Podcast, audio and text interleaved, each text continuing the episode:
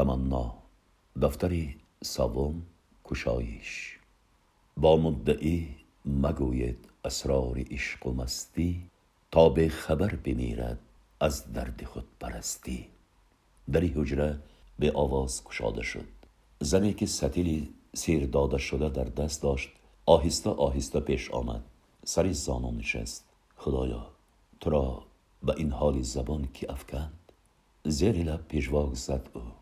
به گرد و اطراف چشم انداخت و یگان لطه پاره برای پاک کردن خون زخم پیشانی جوان زن نیافت اثر قرص سب سفیدش را گرفته یک گوشش را راند و سر و روی خونشاری تمنا را پاک و تمیز کرد سپس بیرون رفت و پس از لحظه با پیاله آبی خنک برگشت سری این بیکس را سری زانویش گرفته و لبانش پیاله را نزدیک آورد بنوش جانی خاله حلقت را نم کن تمنا اطاعتکارانه چند قلد آب نوشید به خیالم شکمت هم گرسنه است کمی آش بریده می‌خوری نه نگوی می‌بینم که از گرسنگی چشمت سیاهی می‌زند این آش جرغاتناک بدنت درمان میبخشد خوردن این آش ثواب هم هست من هر بگاهی جمعه یک ستیل آش بریده پخته سری چهارراه میبرایم که به مسافران سری را خورانم شنیدم که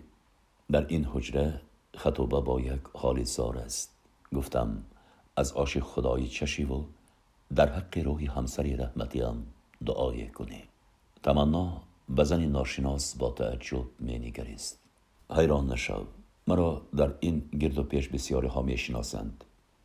یا خاله گفته هوششان می رود. مرا نمی شناسی؟ همه می شناسند کو؟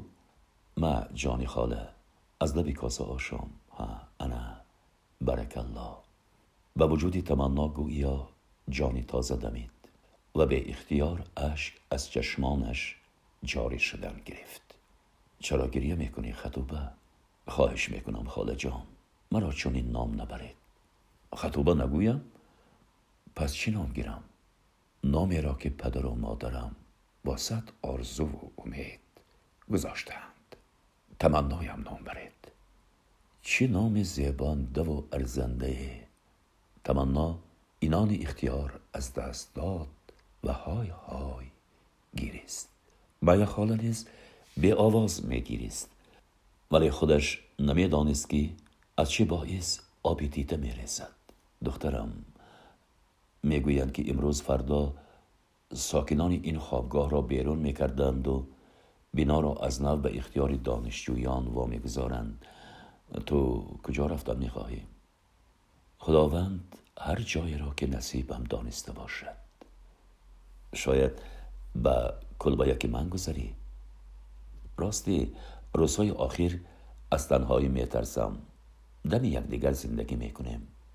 قوتی دلی یکدیگر می‌شویم. چرا حرف نمی‌زنی؟ نترس. من از تو اجاره پولی نمی‌پرسم شکر خدا هم نفقه می‌گیرم و هم معاش در مکتب مخصوص کار می‌کنم چی گفتید؟ در مکتب کار می‌کنم گفتید؟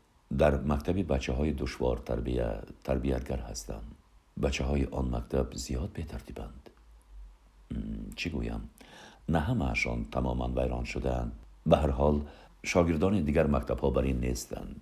بسیارشان از آیله های ناکاملند یعنی زنده یتیمند والدانشان میپرست و ایاشند خلص بچگان از تربیت دور ماندن اندک قانون ویران کرده حکم گرفتند. چیکار کنیم؟ همراه هم می‌روی یا خودم رفتن گیرم؟ میلش گفتی شما شود خاله. رفتیم دخترم. تمنا اطاعتکارانه از جای خست و به هیچ دو دیلگی از حجره بیرون شد. از پس این کمپیری ناشناس می‌رفت و وهم و حراسی نداشت. هرچی باد نمی گفت احساس می‌کرد که این رفتارش درست است. مایا خاله او را از چند کوچه و تن کوچه گذرانده به کلبایک آورد که دریچه درآمدگاهش رنگ سبز داشت و رقم شست و شش. و زیر این رقم صورت سگ ذاتی آلمانی ثبت یافته بود. تمنا به اختیار کتیبه زیر عکس را خواند. استراژنا زلای سباکا کامپیر دست افشانده خندید دلی تمنا آرام گرفت آنها پس و پیش به حولیچه در آمدند دخترم می‌دانم کلبه من زیاد دلگیری کننده است صاحب خانه گویا عذر پیش می آورد ولی تمنا از دل می گذرانید که از کلبه آن نامرد بهتر است کمپیر بعضی اسباب روزگار را که سری راه غلیده آدم که تنها می مانده است بدلش چیزی نمی گنجیده است نه لباس و نه پلاس. عموما دلمانده شدم از زندگی. هیچ چیز بهر دلم را نمی کشاید کار می روم و گویا روز کور می کنم همین که به خانه رسیدم شام می خورم و به جاگه می درایم از خدا التجا می کنم که امانتش را آسان گیرد تا دیگر سر از بالین نبردارم.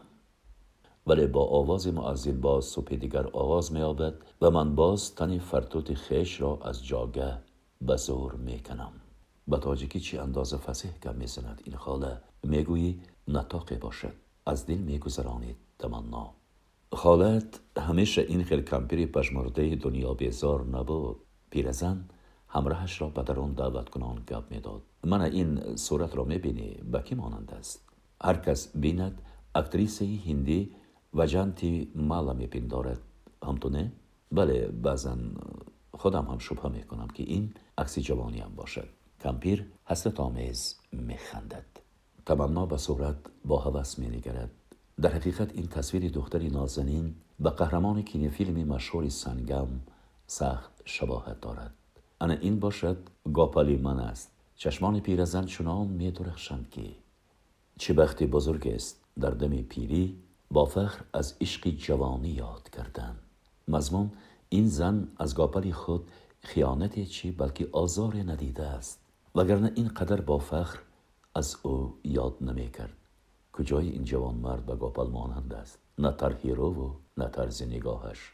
شاید بالای بلندش. تمنا هیچ شباهت میان هنرپیشه هندو و همسری خاله مایا نمیافت ولی برای دلی کدبانو گفت بله شوهرتان نسخه دیگری گاپل بودند. گفتی و مانده دختر جان. تو هم زمان عاشق بودگیستی. راستش را گوی. عاشقت به علی بابا مانند بود یا به برادری حسودی او؟ چرا دم میشینی؟ لیکن تو از خطوبتی زیادتر به مرجین مانند هستی. خودت این را پی می‌بری؟ وقتی در خیابانها هنر می نمودی من به دل می گفتم این زیبا سنم مرجینه حقیقی است. چهره تمنا را غبار غم گرفت. کدبانو حالت مهمانش را پای برده پشیمان هم شد که باعثی گرفت خاطری او گردید. از این رو زود موضوع را دیگر کرد. تمنا جان در دک کمی آشی بریده مانده است. تربوز هم دارم. دلت چی می‌خواهد؟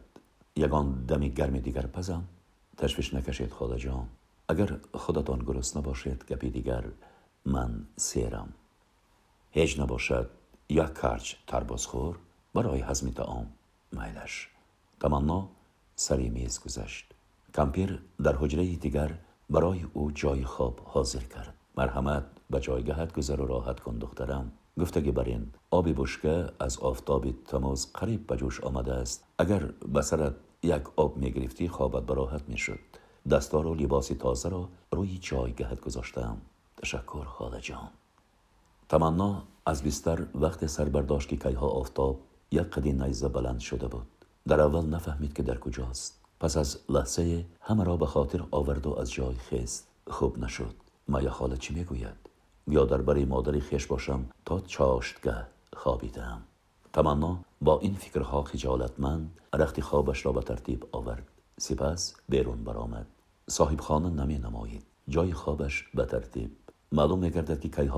از پی کار و بارش رفته است. دست روی شست. مویهایش را شانه زنان چنده به آینه نظر افکند و به اختیار اشک ریخت. آخر از روی فراست می‌داند که این عکس خودی اوست. ولی گویا این شباهت ظاهری است. تمنا نیست این زن. باید او را جست. باید او را یافت. باید او را مجبور کرد که به حیاتی واقعی وارد گردد. اما چیسان روی حوله برآمد. از چی آغاز کنم؟ بگرد و اطراف حوله که کیها روی جاروب را ندیده بود. چشم پرتافت تمنا. اول چای میمانم تا جوشیدنی آب به حولی یک پنجه شکر آب می‌زنم و پس از ناشتا به روبوچین سر می‌کنم.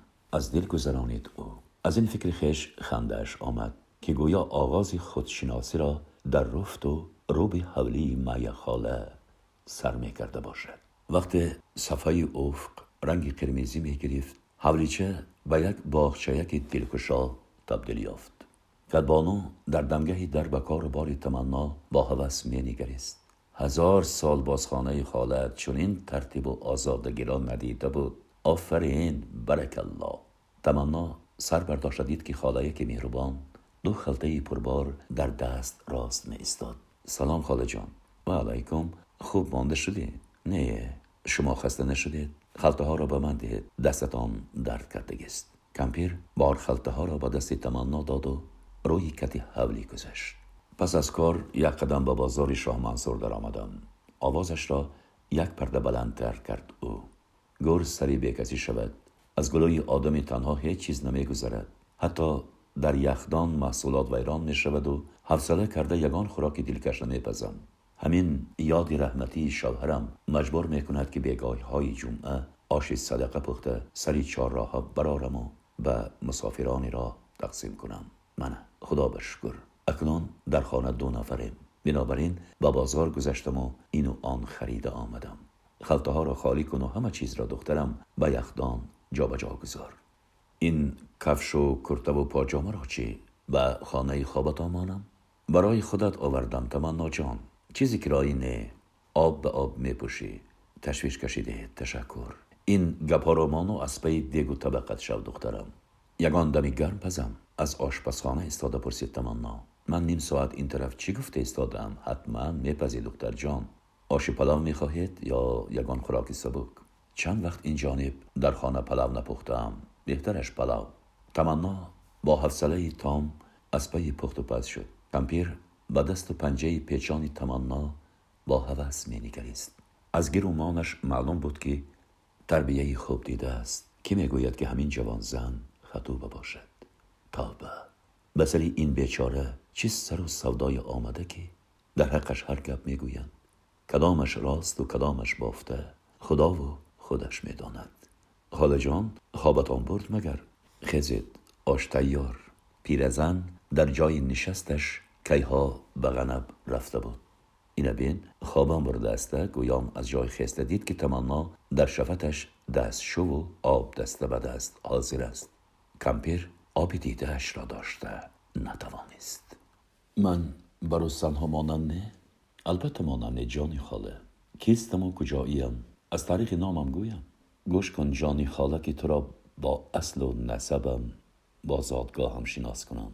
در زمان شوروی سراج را سرش و فرهاد را فدیه گفتن عیب نه بلکه نشانه صاحب مدنیتی حساب می یافت گویم جوانان حاضر می خندند پدر و بابایان ما را سالهای جنگ دوم جهان از چچنستان به حیدرکند نام شهرک وادی فرغانه که حالا به جمهوری قرقیزستان تعلق دارد مهاجر کردند. مردم اصلی این شهرک کوهکنها اساسا تاجیکان بوده نماینده های دیگر خلق و ملت ها از قبیل روس ها آلمانی تبارها ازبک ها اویغورها تاتارها ترکان مسخیتی اینگوش و چیچین ها همه مردم آمده حساب می از روی نقل ساکنان محلی پیشتر خطایی ها هم در این شهرک کار و زندگی می کردن.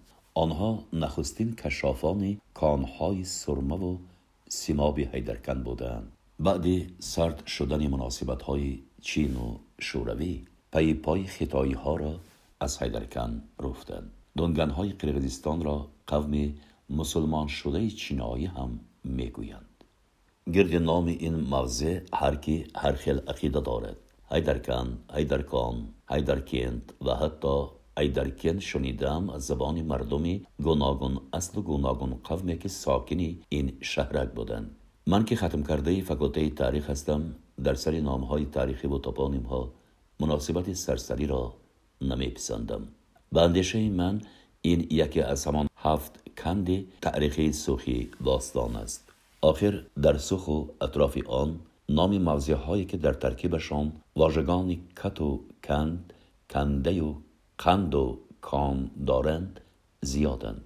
به هر صورت من بادکان سیمکت سریکنده هیدرکند خاکنک افکن بر این اسمهای خاص مکان را همریشه می‌دانم.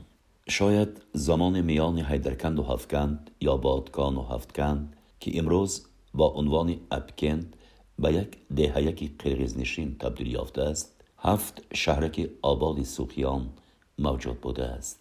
در گرد و نواحی این هفت کن چنان که در حدود عالم ذکرش رفته شست ده آباد بوده است. واقعا به سبب نیست که مردم سوخ نسبت به زادگاهشان هیچگاه واژه قشلاق را استفاده نمی‌برند. برای آنها مردم قشلاقی آنهایند که پایانتر از رشتان در زمین های شرخاک زندگی می کنند آنها را با عنوان پایینی نیز به زبان می آرند من بر آن باورم که اسم زادگاهی من خواه هیدرکند باشد و خواه هیدرکند یکی از همان هفت کندی سرخی باستان است. از کشالگپی خالت ذکر نشده تمنا جان. اینطور باشد گوش کن. از روی شنیدم این مکانی پر از گنج در گذشته واقعا یک پاره پهناز زمین سوخ حساب می یافته است. از این رو تاجیکان هیدرکند با نام سوخیان هم یاد می شوند تا به نزدیکی محله سوخیان حیدرکند از دیگر گذرها فرق می کرد. حولی هایش با دیوارهای بلند سرخاردار احاطه شده بود. پدر من هم در تاثیر تاجیکان گردی حولی امان را دیوار کشیده بود. اما سانیتر حکومت محلی مجبور کرد که دیوارها را برهم زنیم. برج باره گلنداوه حسن شهرک را میکاهد می‌گفتند.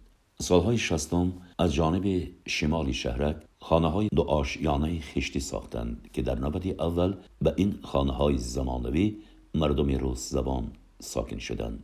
قرقیز ها که تاریخا مردمی چاروادارند اساسا در چراگاه های وادی حیات کوچی بسر می بردند ترک ها و تاتارها و آلمانی تبارها را هم که به حیدرکندی ما چچن ها بر این مجبورن آورده شده بودند به قطار روس زبان ها می در آمدند زیرا نه تنها این قوم و قبیله ها بین یکدیگر با روسی معاشرت می کردند اینچنین زبان کارگزاری حکومت محلی و کارگاه ها روسی بود. می‌پرسی که آلمانی ها اسیران جنگ بودند؟ نه. آنها را نیمیس های اصلی اورال می سالهای جنگ قوم و خلقیت های سرکش را از خاک روسیه دورتر به کشورهای آسیای میانه و قزاقستان می خلاص من در همین شهرک در یک آیله مهاجری چیچین با دنیا آمدم و نامم مریم است. پدرم بالت میرزا مادرم تاوس نام داشتند. از چه باشد که تاجیکان ما را چچن ها می گفتند هنوز هم آنها دختری را که پنج پنجهش هنر باشد چهور و چچن است گفته صفت می کنند ما با تاجیکان در همسایگی میزیستیم. یک دو همسایه قرقیز هم داشتیم که آنها همه همکاران پدرم بودند. خانه های چچنی از روی ساخت از دیگر منزل ها فرق می‌کرد که تاجیکان آنها را زمینکنی چچنی می‌گفتند. پدرم هم زمین سنگلار ها یک و نیم متر کنده با بلندی یک متر دیوار زده همین خیلی منزلی گرم و نرم ساخته بود. او پس از کاری وزین کارخانه معدن تازه کنی به کسب باباییش دوریدگری مشغول می‌شد. گاهواره در و تیرزه تخته و تیرک میساخت. وی محصولی دستش را هیچگاه به بازار نمی برآورد خریداران راست از خانه امان می بردند مادرم خانشین باشد هم دستش همیشه با کار بند بود. همین که از نگاه و بین بزرگ و پخت و پز و شست شو فارغ شود به سری چرخ رسندگی می نشست. وی ماشینه در دوزی زینگر هم داشت که وقتی کوچیدن دوگانش این گخاله نیم که به یادگار داده بود. به نظرم جوراب های بافته و نیمتنه های پختگینی دخته مادرم نظیر نداشتند والدان من در حیدرکن با گلدستیشان نام برآورده بودند پدرم را استا پولاد میرزایی چیچن مادرم را تاووسی چیور گفته احترام می‌کردند. در حقیقت والدان من به گفت مردم تهجایی چیور و چیچن بودند و دیگر هم قسمتانشان هم از یگان کار روی نمیگردانیدند از نظر من زندگی مردم شهرک بد نبود. آخر معاش کانکنهای و کارگران زواد معدن تازه کنی از دیگران خیلی بلند بود و آنها را با گوشت و شیر رایگان هم تأمین می کردند می گفتند که تأمینات این شهرک به واسطه به مسکو تعلق دارد. من زادگاهی زادمندانم را هیچ ندیدم. از روی نقل مادرم آن خاک مقدس جنتی روی زمین را ماند. ولی همسایه دیگری ما که زاده قریم بود. درباره دیاری که خونی نافش ریخته است عینا همین گپ را گفت از این تاتارزنی گرفته چهره جنجالی که پیر نام داشت حتی سگان کوچه می ترسیدند مادرم او را پیروز نام می برد برغم فعل و اطوارش با مادری من خیلی ملایم سخن بود. آنها مناسبت خیلی خوب و صمیمی داشتند. حیدرکن نیز برنگ قفقاز ملک کوهی زمینی کارمی کم دارد و بهارش دیر رس زمستانش طولانی قصه کوتاه حیدرکند شهرکی بود چنف که آن زمان می‌گفتند اینترناسیونالی هیچ کس یکدیگر را تو کی و کجایی هستی نمی گفت یعنی ما ساکنان این شهرک دوست و اتفاق زندگی داشتیم و احساس بیگانگی و مسافری نمی کردیم. با وجود این شبانگاه گاه ها مادرم سری گهواره خواهرچم بیت های می که همه در وصف زادگاهی عزیزش بودند. من با چشمانی خود دیدم که پدرم روی بستر دراز کشیده با چشمانی پوشیده سرود علی مادرم را گوش می کرد و از آب دیده بالینش تر می گشت. یادم می آید که بار پدر از مادرم خواهش کرده بود. زیزک چی می شود که سرودی کورچی و تیتیگان ییش را خانیم کودک بر این عجب نازی داری ارزو. مادام که گلی من یک پاره پولاد بهیس را شهبالی من می گفته است چرا از خود نروم؟ خیر ننه جانش گپم را نگردان. بگذار گپی تو شود. بالات میرزا مادر به خواندن سرود پرداخت که شاید به یادی پدر ایام می مخملین داشت. وقتی او در تقلید گربه سرپشم و براق پیری از خود رفته که در خانه گرم روی جای خوابی نرم صاحبش و باریدن برف ریزه از تریزه چشم دختر نشسته است در بیت نقرات با کشش خاص میاو می گفت من از خنده بزور خود را می داشتم اما ددم با چشمانی پوشیده آبی دیده میریخت و میریخت. نهایت پدر را خواب برد. اما دادری خوردی هم سرش را به کرپه پیچانیده با آوازی پست تکرار به تکرار می‌خواند. سونکارخ بین گینه. مادرم آرزو داشت که جشن عروسی ما را در وطن با رعایه عرف و عادتهای ملی برپا کند. من آخر الکی دختری قدرست شده بودم.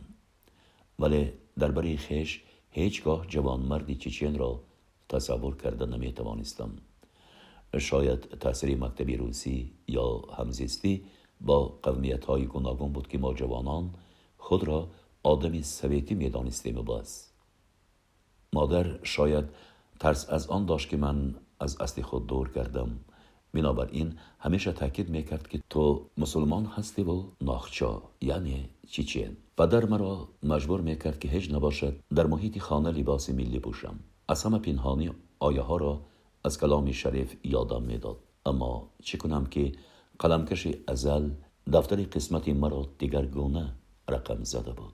من گرفتاری خسرو نام جوان شده بودم که اصلا از تاجیکستان بود و در یکی از دانشگاه های روسیه تحصیل دیده. و به هیدرکن از کارخانه متالورگی انزاب یک ماه کماندیروفکه آمده بود.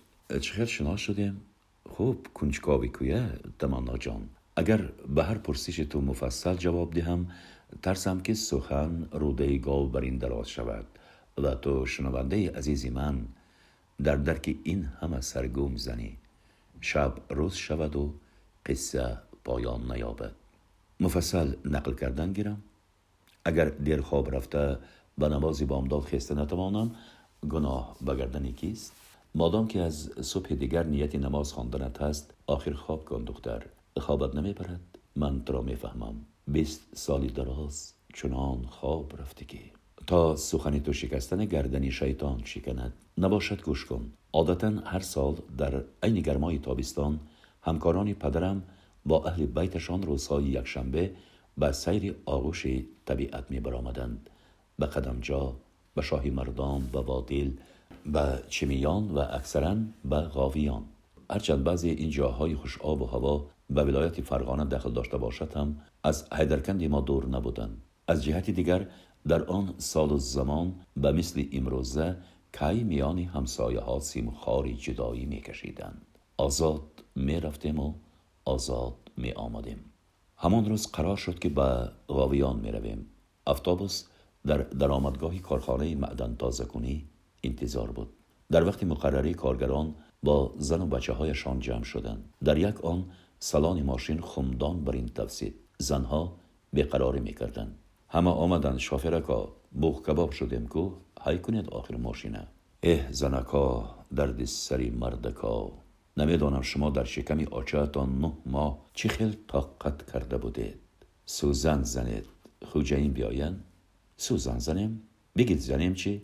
با کجایتان زنیم شافرکا اگر تستر عرابه هی نکنید ترسم که با گلومه خله کنند این زنهای شوخ نایلاجم رفیقان سیاهان جنجالی گویا با جدیتی تام می گفت راننده اتوبوس هرچند چنبرک فرمان ماشین در دست من است ولی چی کنم که خود فرمان بردار هستم پس فرمان را اجرا کنید آخر چقدر ساده رفیق زنکا آخر شما همه در محیط عائله فرمان روای مردکای خودتان هستید من که مردک شما نیستم. شوخی اسد گذشت رحیمکا گوید که سببی از جای نجنبیدنمان چیست؟ سببگاری فلج برجامانده برای ناجنبان گشتن ما و شما تورش اندریف هستند. آن کس از جای دور دور مهمان داشتند. می‌خواهند مهمان عزیز را نیز به قاویان جنت آساب برند تا کفت راهش براید همین لحظه از در اداره کارخانه دو نفر پس و پیش برآمدند. همراه سرور کارگاه یک جوانی بالا بلنده بود که از نگاهی اول من او را به گاپل مانند کردم. ماشین براه درآمد. اه اگر تو غاویان را بار می‌دیدی تمنا جان یک عمر از پیش نظر دور کردن نمی توانستی می‌گویی این دره بمیسل مکانی شهنشینه باشد. از میان چه اندازه آب جاری شد چقدر وقت گذشت ولی از لفی خاطر آن لحظه های عمر زدوده نمی شوند پیش نظر تپه های غاویان و موج موج لالب و حالمان در دهان طعم گوارای چکری و تاران. پس گوش خانش کبک های در خرام سینه پرشر و شور آرزومند وسال و راز و نیاز. باور دارم که آن موضع هنوز در فصل گرما جای سیر و سیاحت مردمی کار کفته حیدرکند است. من و خسرو آن روز با حکم تصادف در آفتابوس برمبر نشستیم اما در بازگشت یک جا نشستنمان تصادفی نبود. در اول او مرا تاجیک دختر پنداشت. از این رو نه مریم یا چنان که همکسبانم نام می بردن نه مایا بلکه با لحجه خیش میرم جان نام می گرفت. که اصلاحش کردم. یادم می آید مکتوبی نخستینه که از وی رسید. با زبان تاجیکی بود. جواب نامه را من با زبان روسی برگرداندم. معلوم گردید که خوشکرده من در زبان دانی نیز به همتا بوده است. از نوشته های روسیش نیز سهو و خطای نمی یافتم. آخر او ختم کرده یکی از دانشگاه های با نفوذ روسیه بود. همین طور ما مکاتبه می کردیم آرزوهای زیاد در دل می پروریدیم من با تلقینی و یکنون کتاب های تاجیکی می خوندم با دختران محلی دوستی می کردم نهایت مکتب را به اتمام رسانیدم. هرچند زاره کردم که اجازتی تحصیل در دانشگاهی آموزگاری دوشنبه دهند والدانم راضی نشدند. پدرم می گفت کاش تقاضای خواندن در گروزنی می کردی. من به محبوب دلم مکتوب نوشته مسلحت پرسیدم. مدت پیش پدرم همراه چند بابایی رفته آمده بود. پس از این سفر بگاهی یک شبه در خانه ما جمع آمدند عادتا پیش از همه بحث دیده اصاب دست و مسخط دیوش این گوش در آمده می آمدند. دادرانم موسفید را مدد می کردند که از زینه آهسته آهسته به زمین کن فراید موسفید آنها را دعا می کرد. عادتا در صحبت های یکشنبگی سخن در باب حیات سیاسی جهان در حق роҳҳои бозгашт ба зотбун мерафт. Дар яке аз чунин шабнишиниҳо падарам гуфт. Тарсам ки аз нишастҳои мо хабардор шаванд. Шунидак истед хонаи кампири пьераро кофтуков карда баъзе чизҳо ёфтаанд. Дарди онҳо ҳам аз дарди мо кам негуфт алӣ деваша худи кампир наменамояд тинҷ бошад чӣ гап мешуд? Як пурсуҷӯ карда ҷавоб дода гистанд бепарво мегуфт масхат деваша не ҷура ҳам ту як пурсуҷӯ намекунанд تو میدانی که ما مهاجران اجباری همیشه زیر نظارتیم. می‌گویند تاتارهای کریم در شهری فرغانه تشکیلات پنهانکاری داشتند. شیارشان کریم جنت آسا تنها برای تاتارهاست بوده است و این پیرخاله ما یکی از اعضای فعالی همان تشکیلات پنهانکار بوده است. من که در دهلیز گلدوزی کرده می نشستم همه این گفت و شنفت را می شنیدم و به دل می گفتم که این همسایه کمپیری جنجالی ما را به تشکیلات پنهانکار چی مناسبت است. گفتی مادر دوگانم نرگیز مردم با پای نه با زبان می گردن توبه. و از ترس و حراسه که هم محفلان پدرم داشتن در دل خنده می آمد آخر من هنوز گرمی و سردی حیات را ندیده بودم. با وجود آنکه پس از هر نشست بیس دیده ایمن ا برکت ا هلده شون دا زالخ گفته دعا می‌کرد آمد به سر پدری من که از آن در حراس بود. او را با جرم تماما دیگر به محکمه کشیدند. گویا پدرم به قاچاق سیماب سرخ دست داشته است. بعدی چنده علی دیوش را گویا از به احتیاطی در زواد برق زده کشت. من آرزوی دوام دادن تحصیل را فراموش کردم. مادرم به اداره کمبینت کارکاوی رفت. گفتند که حالا جای خالی نیست. دوباره و سه بار رفت. عاقبت یک کاری سردرآمد پیشنهاد کردند. رنگ زدن حوز کهنه سیماب ریزی زواد اگر یک حوز را در دوام هفته به سامان رساند برابری معاش دو ماهه کارگران حق می‌دادند. این گونه حوز تعمیر طلب چهار تا بوده است. مادرم می گفت به هر حال رئیس زواد آدمی بد نبوده است. بین مریم جان این آدمی رحمدل به عائله به سرپرستی ما با این راه دست یاری دراز می کند نانم صدقا خرسندی می کرد من و دادرکانم هم شاد بودیم که در نبودن پدر خارزار نشدیم. ولی ما از کجا می دانستیم که این حوز سیماب چاهی عجل است و دیگر کارگران از سرشان تلا ریزند که به لباس محسوس برای تعمیر آن راضی نمی شدند. مادر در روزی سیومی کار اندک اندک از حال می رفت. سرش چرخ می زد. به هر صورت باست عذاب تعمیر یک حوز را در وقت مقرری به آخر رسانید و با همین از پای افتاد او را به بیمارستان خواباندیم روز تا روز چون شم آب می شد دادرکانم دو خواخه و وخیته که از من شش هشت سال خورد بودن پروای دنیا نداشتند خواب و خور و بازی را می دانستند و بس. آنها پارسال در بهترین استراحتگاهی مکتب بچگان فصل گرما را گذرانیده بودند. عادتا پدرم همچون کارگری پیشقدم راخت را برایشان از اتفاقی کسبه زواد دسترس می کرد اکنون آنها درباره اردوگاه یا که چنان که می گفتند لاگر پیانیران آرزو نمی کردند من دادرکانم را مجبور می ساختم که بزرگوسپندان را بچه را برند چون مادرم تاکید می کرد که وقتی زایدنش نزدیک آمده تنها یک را بزی ما اول انگار کنام داشت. این بزک شاخ شکسته سیاهی انگاری یک سال پیش در چراگاه با چنبر شاخ نرگیس شاخ جنگ کرده شکست خورد و ما نامش را به یک شاخه تبدیل دادیم. بیچاره بزرگ نمی‌داند که این لقب نشان مغلوبی اوست یک شاخه را مادرم سخت احتیاط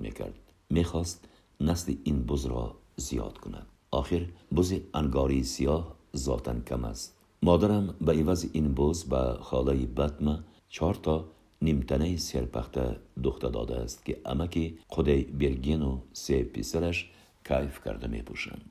مادرم سال پیش از پشم ابریشموار ملایم و جلاداری یک شاخه رومالی پرنقش بافته بود خاله بطمه به آن خریدار شده گفت که به عوضش باز یک بزغاله انگاری سفید می دهد. دو همسایه نو گپ را یک کرده بودند که امکی خدای برگن کار را ویران کرد. وی به پدرم عرض کرده است که همسرت سری کمپیرم را گرنگ کرده به مال من رخ زدن دارد. پدرم مادرم را سرزنش کرد. همین طور سودای دو همسایه زن نپخت.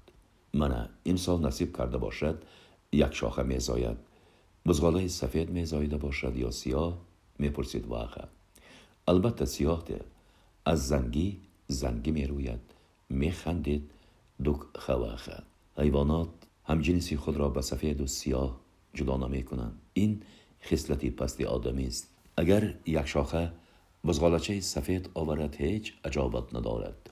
آخر تکه های چراگاه هم سفیدند می گفت مادرم. اکنون دادرانم همراه پسران امکی قدی برگن و امکی حاجی قربان رمبانی می کردند.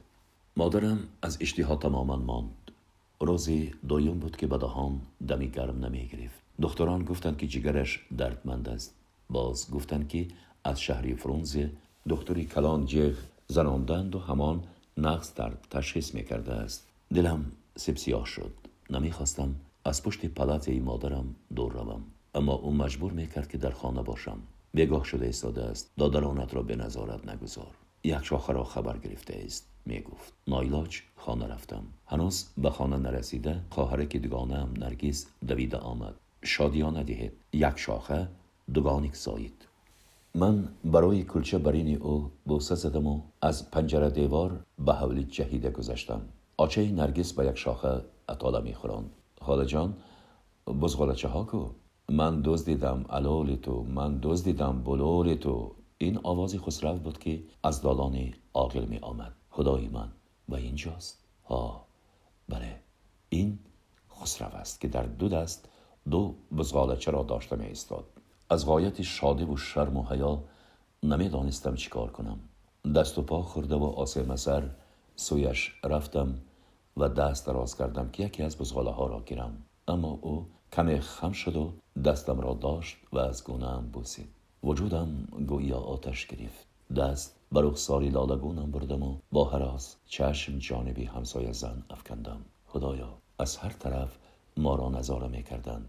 مادری نرگیز که با یک شاخ غذا می داد خاله بدمه که در دست ترخلته از بازار می آمد همسینیفم وسیه که در ایستگاه جامدانش را خروار سوار شده انتظاری افتابوس بود باز چند پسر و دخترکان محله که لپت بازی می کردند.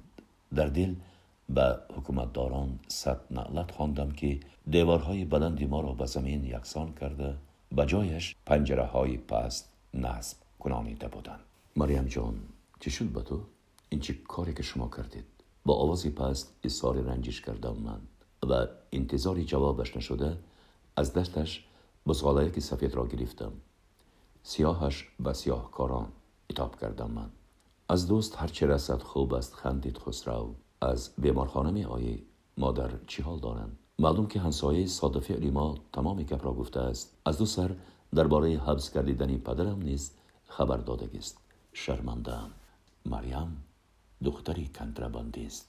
به اختیار آبی دیدگانم جاری شدن گرفتند خسرو دلبرداری می‌کرد برایم بردباری می‌خواست. این زمان دادرانم بزرگ گسپندان را حی و باش گویان از چراگاه برگشتند و با مهمان چون جوان مردانی راستین بغل کشاده و آشنایی کردند.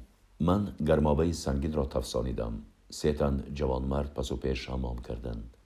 تا آنها سر و تن می شستند شامانه آماده ساختم و میز را از آشخانه بتگی آلوچه آوردم که شاخه هایش از میوه های رسیده مرجان بسته بود. و چون کدبانوی حقیقی همه را سر میز خواندم. در میان این چند روز باری اول دلم روشن شده بود. دادرکانم هم خوشحالی داشتند باد و هوای حیدرکند خیلی سلقیندیه. در جایهای ما زردالو را قریب افشانده خوش کرده شدند و اینجا نو آدوچه بپزد گویان خسرو از جای خست و از خانه یک سبب زردالو برآورد. گرید خورید. این زردالوی ملا همدی نام دارد. اصلش از نوهای زردالوی سرگوشتی فرغانه است. می‌گوید که در اسفره و ریشتان خوب نشعو نما می‌کند. پس از وادی زرفشان نه و از وادی فرغانه آوردید این دستاویز را. راستی گب مریم جان من حالا از مسکو آمده استادم. امشب تفصیلات سفر خدمتی را قصه می‌کنم. حاضر نغزش به عیادت مادر برویم. من هم می‌روم گفت دادری کلانیم من بوزیچه ها را پیش مادرم می‌برم. سوی آقیل تاخت و آخه از زرداله ها کمتر جدا کرده شستم و به سبدک انداختم. یک شاخه به ایست می گفته خود را بدر و دیوار می‌زد اما وخه در یک گپ می استاد به ننم بزیچه ها را نشان می دهم و او گپ گذرانیدن غیر امکان بود. ناعلاج هم از سوی بیمارستان روان شدیم. تهی دلم سیاه می شد اگرچه خسرو اندر برم بود. ولی برعکس نگرانی های من حال بیماری ما خوبتر شده بود ولی از دیدار مهمان خرسند میتافت. حتی از دست آویزی خسرو کام شیرین کرد. لادرکانم از پس تیرزه با گفتی خسرو الولک و بلولک را نشان دادن. یکی سفید و دیگر سیاه چی خدر کند. چشمان مادر می درخشیدن از پدرت یگان خبر نیست؟ بعد کمی توقف با آوازی پست پرسید او من با اشاره نه سر جنبانیدم. وی طرفی خسرو رو آورده همچنان با آوازی پست گفت به پدری بچه های من تهمت زدن. من بعدی به این درد پیچیدن جانمه او با عذاب کمی یک پهلو زد. تهمت بودن این قضیه را عمیق کردم. ما را به هر راه نیست می‌کنند پلیدها هرچند از چشمان مادر شراره قهر و غضب میریخ همچنان با آوازی پست سخن می‌گفت. من به پیالچه کمی آب معدنی به گز ریختم و مادر را تکیه برداشته نشانیدم. شکری الله. او با رومالچه لبانش را پاک کرده باز به گپ درآمد. دخترهای کلانی گفتهشان همین روز آمده بودند. چی گفتند سببی بیماریتان چی بوده است؟ بتاقتانه میپرسیدم من. مادر با اشاره هیچ چیز نمی‌دانم سر جنبانید. از غایت بیماری چند لحظه چشمانش را پوشید همشیره شفقت اشاره کرد که بیمار را آسوده گذاریم. آهسته از جای میخستیم که مادر باز چشم باز کرد. حال جان ما می‌رویم. من هنوز از یار آشناها کسی را ندیدم. نصیب باشد پیش از بازگشت باز می آیم اجازت می دادید مادر با اشارت خسرو را به خود نزدیکتر خواند و دستش را گرفته با مهر به چشمانش دیده دوخت خسرو جان.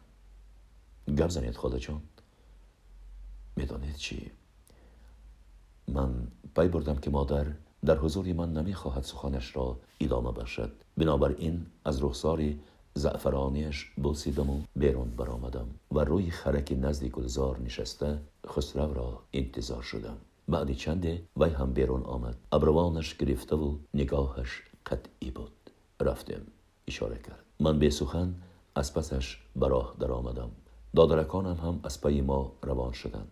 خسرو ما را به خانه آورد و ماند و خودش کجای برآمده رفت.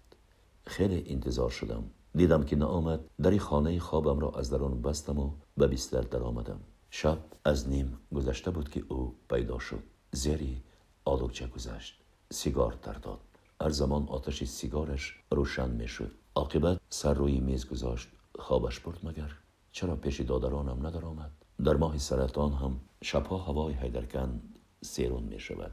Аз ҷой хестам ва аз ҷевон рӯмоли пашми анкориро гирифта берун баромадам. Хусрав ҳамчунон сар аз миз намебардошт. Рӯймолро ба сари китфонаш партофта мехостам ақиб кардам ки номамро гирифт. Лаббай тайёриятро бин. Чӣ гуфтан мехоҳед? Наход ки модарам аз рӯи васияти модар амал бояд кард. Чӣ? Худатро ба даст гир. حالا بر وقت آواز نبرار بچه ها بیدار نشوند. مادرم یگان وقت از درد جگر شکایت نمی کرد. دخترانی که از فرانزی آمدند بچی خلاص آمده باشند. از افتکار عضوهای درونی را سیماب از کار برآورده است. خصوصا جگر را سراخ سراخ کرده است می‌گویند. خود شما با آنها واخوردید نه. آنها حالت بیمار وزنین حاجتی به مرکز بردن نیست گفته بعد این روزی برگشته بودند. این گپ را از زبان همشیره شفقت شنیدم. من درون درون میگریستم.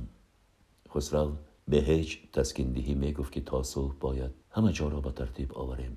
در دوام یک ساعت خانه و در سریشته یافت. همین که صبح دمید وی همسایه ها را از واقعه آگاه کرد. در حولی جای سوزن زنی نبود. من سخت باور کردم که مادری من بانوی دلیاب و چهور و چهچن دور از دیار خیش در این شهرک دور دست کوهکنها میان چندین قوم و قبیله های بگانه محبوبیت داشته است. ببین این همه مردم عادی و آمیانه پوش چه مرد و چه زن آبی دیده میریزن. همسایه زنها یکی به مثل دینا نه و دیگر نینا نه سومی نیتسه و چهارمی نیتسه.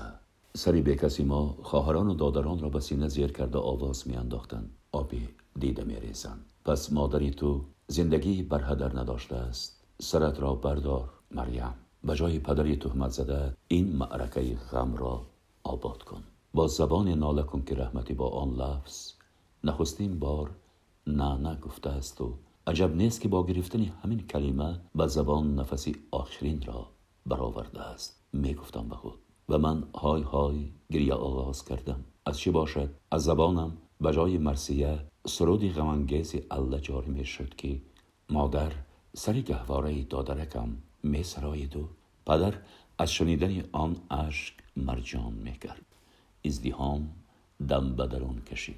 خسرو به ایبا میان ازدیهام در آمد و با دو دست کتفانم را داشته سری بالینی مادر آورد و با آواز گیرای خیش گویا به مردم رسانیده گفت مادر از فرزندان دلپر باش که نمیمانم و پایشان خار خلد. نانم به پندار در بستری ناز خواب شیرین می‌دید که لبانش مایل تبسم میتافتند.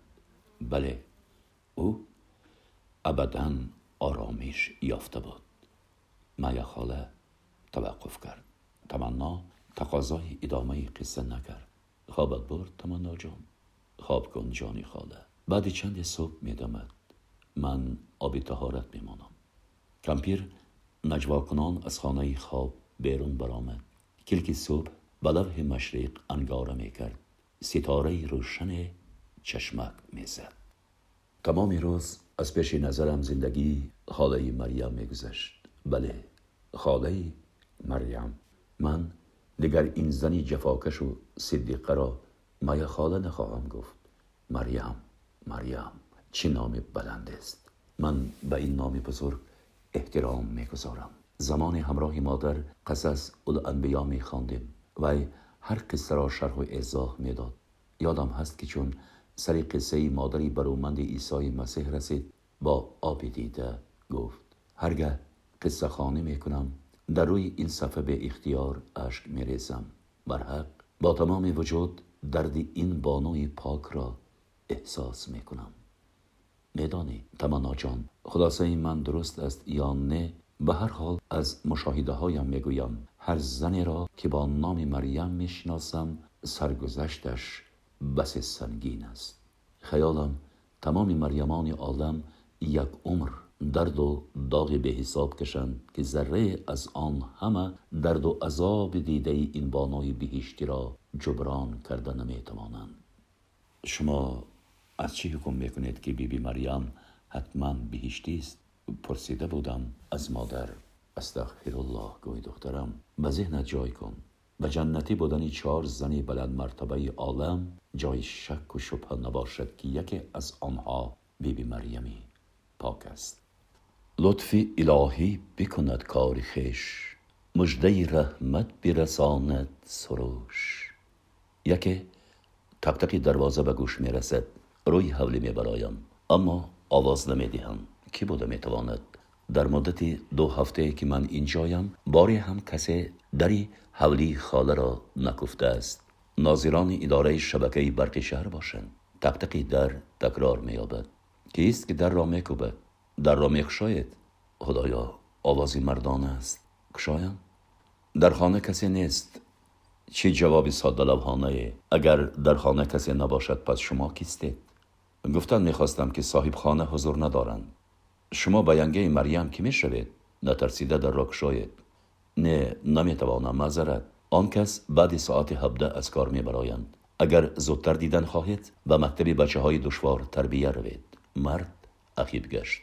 نمی‌دانم که این رفتارم درست بود یا نه اما من دیگر از رو برو شدن با مردان می حراسیدم به آشخانه در آمده به شغلی دوست داشتم پرداختم.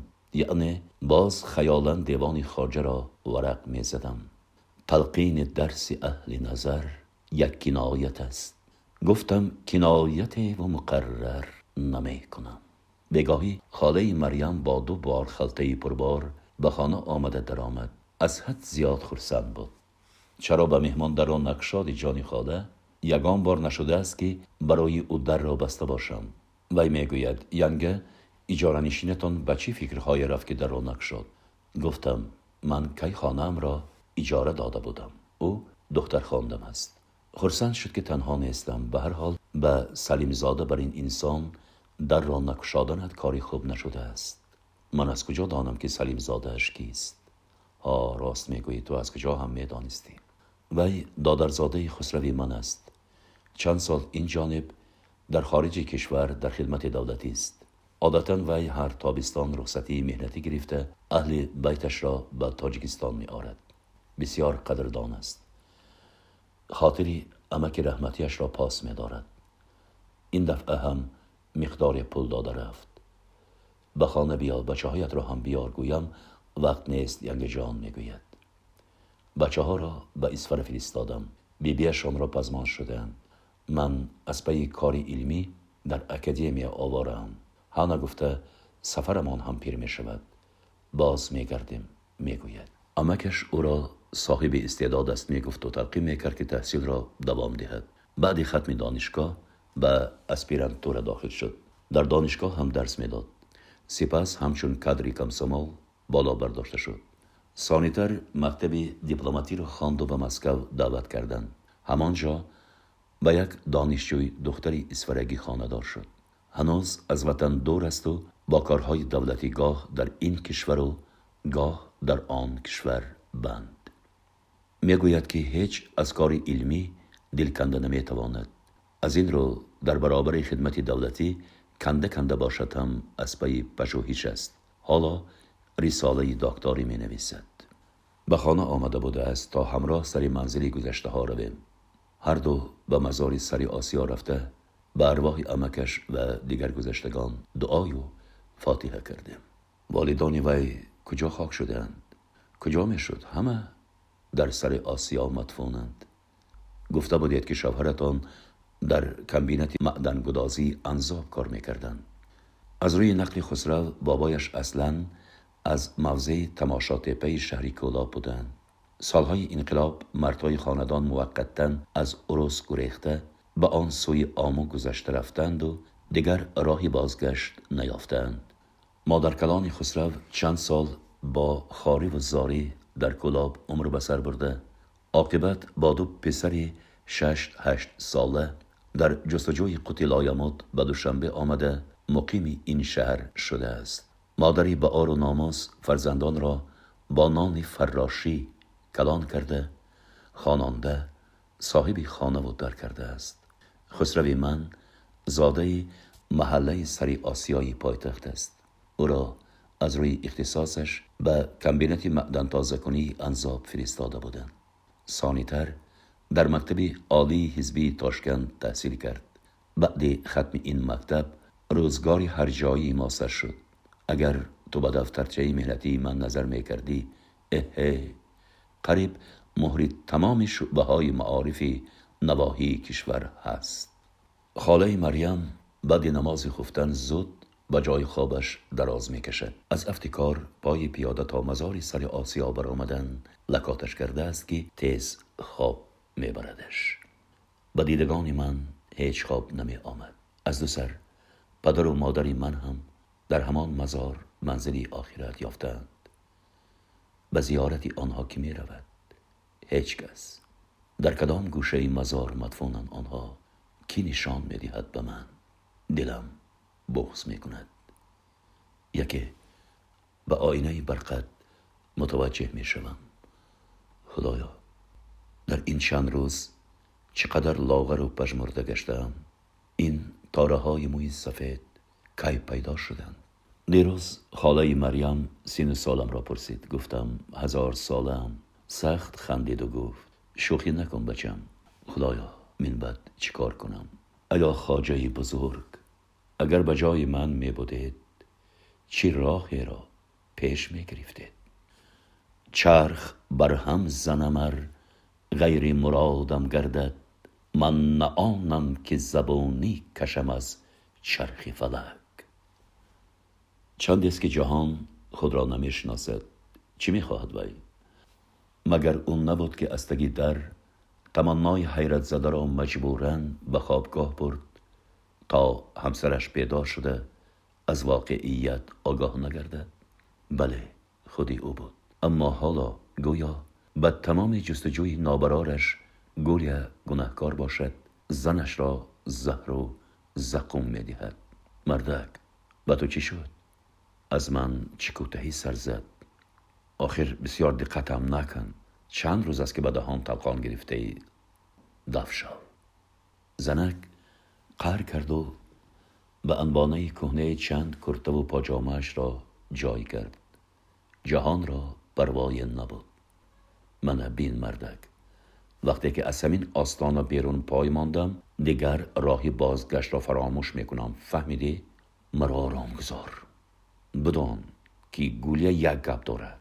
مادام که پینکت را ویران نمی کنی انا من به بازگشت رفتم. زنک رفت. ولی جهان باور دارد که او برمیگردد. ساعت همراه زنک های لبی آب چخچخ می کند و برگشته می آید این حال نه یک بار و دو بار رخ داده است.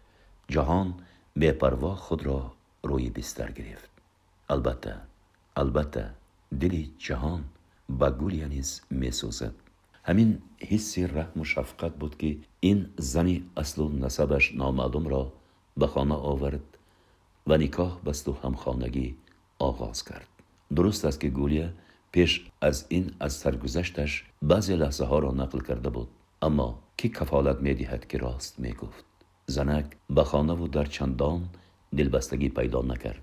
Ҳамин ки ҷаҳон ба бозор мерафт гулия низ ба дар мешуд و ساعت پیش از برگشتنی شوهر به خانه می آمد و یگان خوراکی سری دستی آماده می ساخت. همسایه دیوار در میانش خاله گلزینت هر سری چند جهان را گوشرس می کند که همسرش را سخت گیرد. بچم کم و زیاد 25 سال می شود که من خودت می شناسم. پدر و مادری رحمتیت و تمنای و صدبرگ می شناختم. تا حالا پس گوشم шавқуну шағалони бачаҳоят шиштагӣ ҳарчи бодур шуд гузашт. Акнун худата ба даст гир.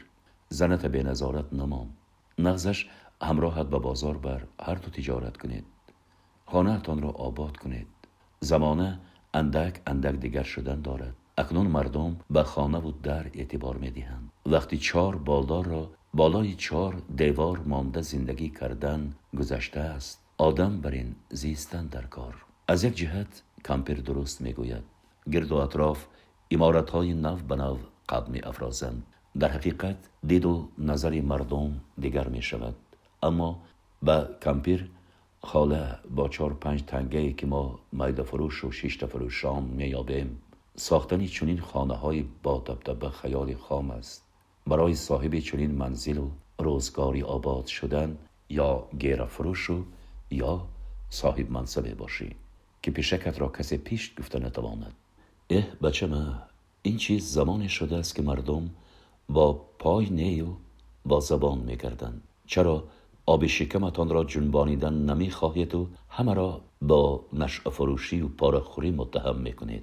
دنیا تا این اندازه به دروازه شده است که فقط حرام خوران امارت کردند؟ منه. در پشت مسجد خانه های خوش ساخت زمانوی را می‌بینی дар ҳамон қатор муаллими донишгоҳ каримӣ ҳам иморат андохтааст албатта ӯ баробари бизнесменҳо дар давоми як ду сол хона насозонд. Чанд баҳору тобистон кам кам пӯшонид манзили наваше офарини зану фарзандони каримӣ ҳама якҷону яктананд баробар нечаспанд ба кор. Занаш мисли ту дар бозор мешишт. Писарони донишҷӯяш баъди дарс дар компютерхонаҳо кор мекарданд. Худаш بگاهی ها به خانه شاگردانش رفته درسی علاوگی می‌داد. پول یافتن آسان نه. از یافتن مبلغ دیده جا به جا صرف کردنی آن باز هم مهمتر است. تلخ می‌گوید خاله گلزینت او بارها همان کریمی معلم را به جهان نمونه آورده نصیحت کرده است. خلاص جهان نمی‌تواند حتی پیش یک کمپیرکی که کیها خانه‌شین شده است خود را سفید کند. چه خیل خود را سفید کند که قسما گپ های خاله گلزینت درستم هستند. مثلا در مورد همان استاد دانشگاه جهان با کمپیر هم فکر است. واقعا کریمی و اهل بیتش همه مورچه‌وار اتفاقند و محنت دوست.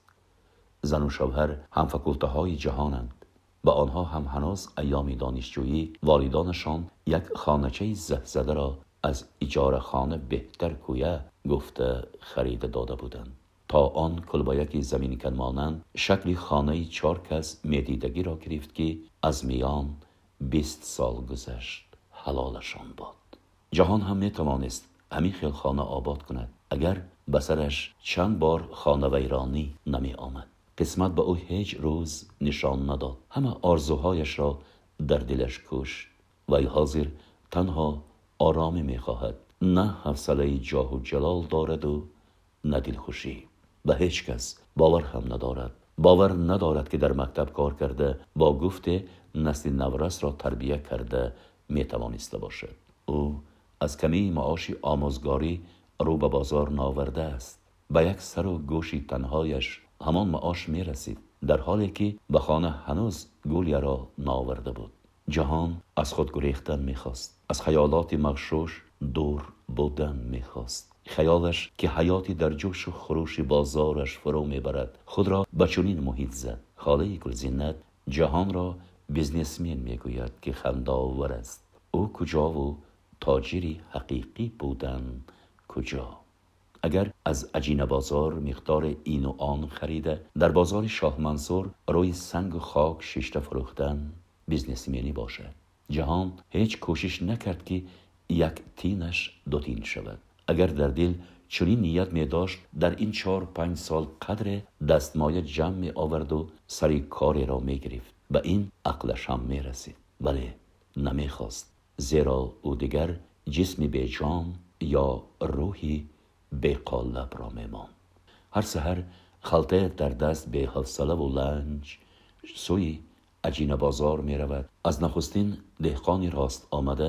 و محصولات می خرد و به بازار شاه منصور می آید و بالای یک ده را زم نمی کند بلکه از دیگران کمی پستر نرخ می گذارد و تیسترک بارش را می فروشد و خلطهاش را افشانیده به تکی کش می زند وی لکی می داند که چند سامانی درآمد دارد. موافقی همان غذای یک روزه می خرد و پایهای بیمدارش را کشاله کنان جانب کلبش راه می گیرد لباسی تنش هم به حاله. وی عادتا از فروشگاهی که در نزد بازار واقع است پوشاکی نیمداشت می‌خرد. به اندیشه او این کهنکاله ها از لش و لوش نوی که از چین آورده ده ها بار بهتر و پرداشت ترند. و اما گولیا در این مورد فکری دیگر دارد. می‌گوید که لباس های خریدد بوی مرده می کنند جهان از آن روزی که تمنا را با عقل و خوش دید گویا در عمق تاریکستان دلش چراغ ململک نور خیره افکنده باشد. ناایان یک دیرم دو دیرم به تگی کیسه مبلغ پرتافته بعد هفته توانست کرپه و کرپچه و بالین و روی جای تازه خرد. بالین و بستر را به روی جا لولوار پیچانیده به خوابگاهی تمنا رفت. ولی تربوزش از بغل افتاد. او تمنا را دوباره گم کرد. از گولیه درک نشد. من بگاهی دویم است که جهان از بازار آمده زنک را در خانه نمی شوخی به شوخی تماما آمدنی نیست چی؟ به سری پرسودای جهان این زن هم تشویش دیگر می آرد مگر؟ اکنون در جستجوی گولیا کجا تازه؟ شاید به میلیس خبر دادن لازم باشد به ناظران حقوق و ترتیبات چی می‌گوید دفشف گویم برآمده رفت. در دست جهان از این زنک نه رسم مانده و نه داند که در قید کدامین منزل است. عموما گولیش شناسنامه داشت از افتحال نه. به هر حال جهان ندیده است. وقتی نکاح بستن ملا پرسیده بود که اگر تاجیک باشی نام اصلیت چیست؟ زنه گفت که در یتیم خانه هم گولیا می گفتندم از روی حجت چی نام و نسب داری؟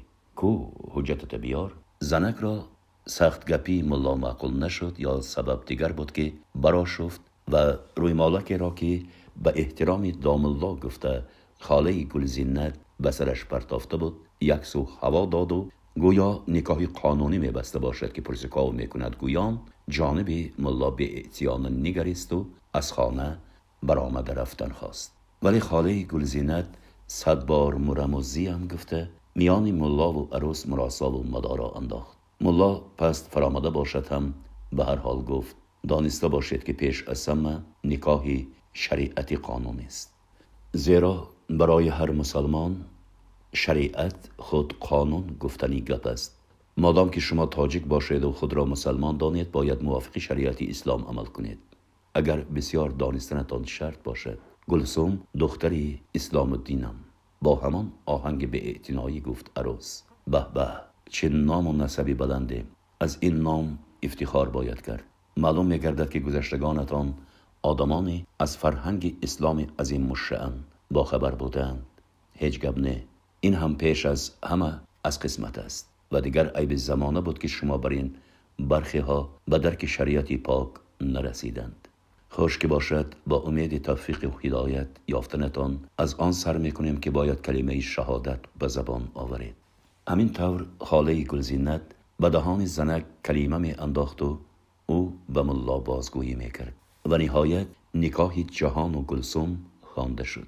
اما واقعا آن زن گلسوم دختری اسلام الدین بود و یا نه جهان تا حال نمی‌داند. پس او را از کجا جوید و از کجا یابد؟ هرچند خاله مریم خستگیش را نشان نمی دهد ولی تمنا می بیند که این زنی چقچقی روحن مانده شده است. بنابراین با تمام دل و جان می کشد که خاله بردم باشد. آخر این بانوی نیک سریشت را در این دنیا یگانه تکیهگاهی خود می حسابد گمان دارد که از او ماند از این عالم هم می ماند یگانه خاله مریم است که به گپهای تمنا باور می کند باور دارد که او خطوب یک رقاصه هندوشی حواس پریشان نیست و تمناست اطمینان دارد که تمنا دختری ناز پرورده عثمان نانوای و خاصیت آتون سمرقندی است. باور دارد که او یکی از شاگردان اعلاخان دانشگاه آموزگاری بوده میبایست پس از یک سال آن را ختم می‌کرد. اگر خدا ناکرده خاله مریم از سر رود تمنا خود را دوباره گم خواهد کرد. باز مردم او را خطا بخواهند پنداشت. خدایا خودت این زنی کانی معرفت را که از صد تاجیک تاجیک تر است در پناهت نگه دار دیروز خاله از کار با دماغی سوخته برگشت. تمنا سبب پرسید خاله دست افشانده گفت مان بچم به خاطرم نبیار. بهترش یک چای کبوتی تلخ دم کن که سرم به کفیدن نزدیک می‌رسد. تمنا از پی اجرای خواهش صاحب خانه شد. پس از خوراک شام خاله مریم خودش به سخن درآمد. قریب دو سال پیش به مکتب ما دختره که تخمینا دوازده سینزده ساله را آورده بودند چنان خوشرو چنان دلکش که ماندنگیر از همه خود را کنار می‌گیرد می‌گویی وجودش را ترس و حراس پش کرده است کوشش های روانشناسان و آموزگاران به اثر میمان همیشه سرخم بود و به سوالی کس و نه گفته جواب می‌داد و بس شاید یگان مشکلات روانی داشت البته از پرونده که دادگاه فرستاده بود مشکلات این دختر ایان بود. لیکن گپ در سری چیزی دیگر. یگان دو هفته پیش مادری دختر به مکتب آمده بود. چی می‌گویی که قلف زبان دختره کشاده شد؟ چی های زد مادر را؟ مش بر سر زده چی ناله های کرد آن بیروزی مادر سرفکنده بود و اشک میریخت. حتی دخترانی هم که کیها از آدمیت دور شده زیبا گل نام دارد دختر دعوا می‌کرد که اگر واقعا تو مادر می بودی به خاطر ما دو طفل نارسیده به هر زهر و زقوم پدرمان طاقت می‌کردی. بگذار بگذار تو را خوشتامن به کس گفته پس زند. بگذار خسور به دست و پا گفته تعنه زند تاب می آوردی مادام که جای رفتن نداشتی کسی نداشتی که دستت را گیرد. چرا مرا از خانه پدر برآوردی؟ می گفتی که من به پدری لطه شما چی بودن زندگی را نشان می دهم در یک سال صاحبی جاه و جلال نشوم نامم گلسوم نباشد. صاحب منزل و نان و آش شدی؟ مرا به سواد مانندی و مثل سگ بچه ها در خانه اجاره قلف کرده کجا می رفتی بگو در طرب خانه کار می کردی خستی که خوابت. دگانه هایی که یافته آوردی آنها همکارانت بودن در کجا کار می کردید شما؟ آنها هم به مثل تو شبکاران سبک رفتار بودند. یادت هست؟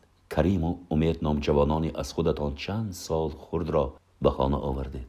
Ҳамон шаб пас аз айшу нӯши зиёд маро аз хонаи хобам зӯран пеши меҳмононат бароварда гуфтӣ шинос шав ин умед братишкаи ман шавҳари дугонаам сарвинос ана ин бошад карим. Шавҳари ман то ест падари туву беҳрӯзҷон. Яъне ту акнун падардор шудӣ зебо муборак бошад. همه قرسک زنان ما را تبریک کردند و برای آینده درخشان ما قده برداشتند پدر بهروزی خردکک را با یک دست برداشت و با دست دیگر از کتفان من سخت فشرد تو تاکید کردی که به تربیه ما من بعد کریم مشغول می شود بعد این تو ما را روزانه گاه گاه به سیر و گشت رخصت می دادی و خودت همراهی کریم خلوت می کردی شبانه عادتا از پی کارت می شدی شوهرت با ما می ماند گاها ҷораш умедро бо худ меовард якбегоҳ дар кушода шуду братишкаат умед пайдо шуд. Дарро аз дарун маҳком карду дарро аз дарун маҳкам карду ба ман дарафтод зӯрам нарасид. Ба мақсад расиду баромада рафт. Тани афкорамро бардоштон наметавонам. Нима шабе шавҳарат ҳозир шуд. Корат тамом шуд. Умед бачаи зӯра мо ҳам аз ӯ кам нестем. Модом ки ба вай мумкин будааст ба мо ҳам мумкин? охир ту шавҳари модарам мешавӣ. Ба ҷои падарам ҳастӣ айб аст дада сину соли модарат баробари апаи калонии ман аст. Орзу кардааст шавҳара. Карим аз мӯям кашида ба ҷои хобаш ҳаво дод. Паси ҳам чанд рӯзу шаб аз ту дарак набуд. Ин кор борҳо такрор ёфт. Ҳар дафъа аввал то мурданам мезаду сипас коми дил меситонд ниҳоят як бегоҳ телефон карда гуфте ки аз москав баъди як ду рӯз бармегардӣ то омаданама از گپ ددت نبرا. هر چی خواهد اجرا کن. فرمان دادی تو. من از خواهش های او بزار شده بودم. کریم می گفت اگر به مادرت یک دهن گپ زنی سری همه تان را یک یک می‌گیرم. شما همه به صاحبت. به کسی در کار نیستید. فهمیدی؟ بله. و شوخی نمی کرد من با اشاره فهمیدم سر جنبانیدم. شب کریم شراب زیادی خورد و بیخود شده در دمگهی در افتادمان با عذاب از کیسه شیمش کلیت را برآوردم. به خانه خوابمان در آمدم و از رخساره های دادرم بوسیدم و آهسته در را کشاده خود را بیرون گرفتم. به خانه پدر رفتن معنی نداشت. با دامنی آلوده به نزد پدری که الکی مناسبی خودش را یافته است رفتن واقعا است بنابراین از خانه مطبوعات تا لب دریای دوشنبه پیاده تاختم. انیق خودکشی کردن می‌خواستم. اما ماشین در نزد بازاری برکت پیش راهم را گرفت و نظامی پوشان مجبور کردند که به ماشین نشینم. جزایشان را کشیده ایستادند آن دو نامر کسی که با جرم تجاوز نابالغان ششته باشد حالش آنجا دختره که عزیزم من از کجا می‌دانستم که تو اینقدر در عذاب بوده ای؟ اگر به من می‌گفتی اگر می‌دانستم که. مگر تو نمی‌دانستی؟ می‌دانستی. عقل نداشتی؟ دیوانه بودی؟ نمی‌دانستی که دختری دوازده سالت الکی به چشم نمایان گشته است و هم نشینانت همان نشعکش و می پرستند چرا خاموش هستی؟ سخنی نداری رو براهت ملیسه بهروز جان را به خانه سپارید خوب شده است. از پی وی هم نرفت. مادر بیرون برآمد. به من التجا کرد که به زیبا گلش ناز نگاه کنم. اپا جان می گفت او دخترم هر تعنی که می کند حق دارد. از من بسیار گذشت. لیکن خدا یک تاست نمی‌دانستم که کریم و امید در حق فرزند نارسیده من چون این کار را روا دیدند. من از این قضیه بعد یک سالی از محبس برآمدن آگاهی یافتم. بله زیبا گل گفت در مسکو بودم. بار را به آسیب رسانیدم. حق خدمتم را دادند. به تیاره چیپته هم داشتم. گمان کردم که همش با خوبی انجامید. ولی از افتکار از پی من کیها افتاده بودند. هشت سال دادند. دنیا در نظرم تاریک شد. در محبس با انجلی که نام دختری جوان شناس شدم. به همدیگر درد دل می کردیم. وی هم از تاجیکستان از طرفهای دربند بوده است. اصلش فرشته نام داشته است و در محبس انجلیکش می نامیدن. بعد چند ماهی هم کمیرگی او را از نزد من دیگر جا بردند سانیتر شنیدم که به علت بیماری آزادش کردند. پس از یک سال در اساس عفی عموم آزادی نصیبم شد. راست به محله ساحل نهرکی پایتخت آمدم که در یکی از کلبه های آن انجلیک باید میزیست لیکن در را بسته دیدم. همسایه ها گفتند که برادرش تنها زندگی می کند و هیچ کس نمی داند که فرشته کجاست. همین وقت خلطه در دست مردی سرسفید لاغر دامی پیدا شد. وی برادری همان سیاه روزی هم کامیرام بوده است. آن شب در کلبه او ماندم. تا نصف شب از خواهرش فرشته می پرسید به گپهای راست من گاها باور نمی کرد مثل زنک آبی دیده می ریخت رحمم آمد. صبح دیگر رفتن می‌خواستم که نمان گفت که تا جای معینی یافتن در همین جا زندگی کردن گیر. ماندم. سانیتر زندگی یک جای آغاز کردیم. راستی گپ این زندگی نیست. در یک هلچه سگ نیم سیر و نیم گرسنه روز گذرانیدن. کاش کشاده چهره باشد. گویا برای تمام بدبختی هایش من سبب کار باشم. همیشه با عصبانیت گپ می‌زد. میترسم که از فرزندانم گویم. عموما وی نمی‌داند که من زیبا گل و بهروز دارم. خاله جان نیت دارم. به دوری های دور روم. به یگان دهه دور دسته روم که کسی مرا نشناسد. فرزندکانم را با خود برم و حلال زندگی کنم. تا مهلت آزاد شدن زیبا می رسد که در خانه آن مردی بیروح و شم نگاه طاقت می کنم و بعد از این شهر برآمده می روم تمنا رنگ می برد و رنگ می آورد خوشبختانه خاله مریم حالتی وی را پی نبرده بیرون برآمده رفت و بعدی چند دقیقه به خانه در آمده قصهش را چنین خاتمه داد. میدانی بچم امروز دیرکتوری نو گپی تازه یافته آمد که جسدی همان زن яъне модари зебогулро аз канали ҳисор ёфтанд дилам ба ҳоли ятимонаш сӯхт. Директор мегӯяд ки ҳамсараш ба ташвиши ин қазия вобаста будааст. Назар ба гапи зани директор марги модари зебогул тафтиши кори як гурӯҳи ҷиноятпешаеро ба бумбаст бурдааст. Гӯё ин зан ба прокурори шаҳр аз болои карими каттазан шикоят оварда будааст. Ҳарду чанд дақиқа сукут варзиданд. چند نهایت خاله کنی بینیم چی در دنیا چی گپ گفته تگمه تلویزور را زیر کرد و پس از لحظه به دختر خاندش رو آورد تمنا جان به تو گفتم دیرکتوری مکتبی ما نو شد دیرکتوری اوله به نفقه برآمد میدانی که کی را به ما سرور تعیین کردن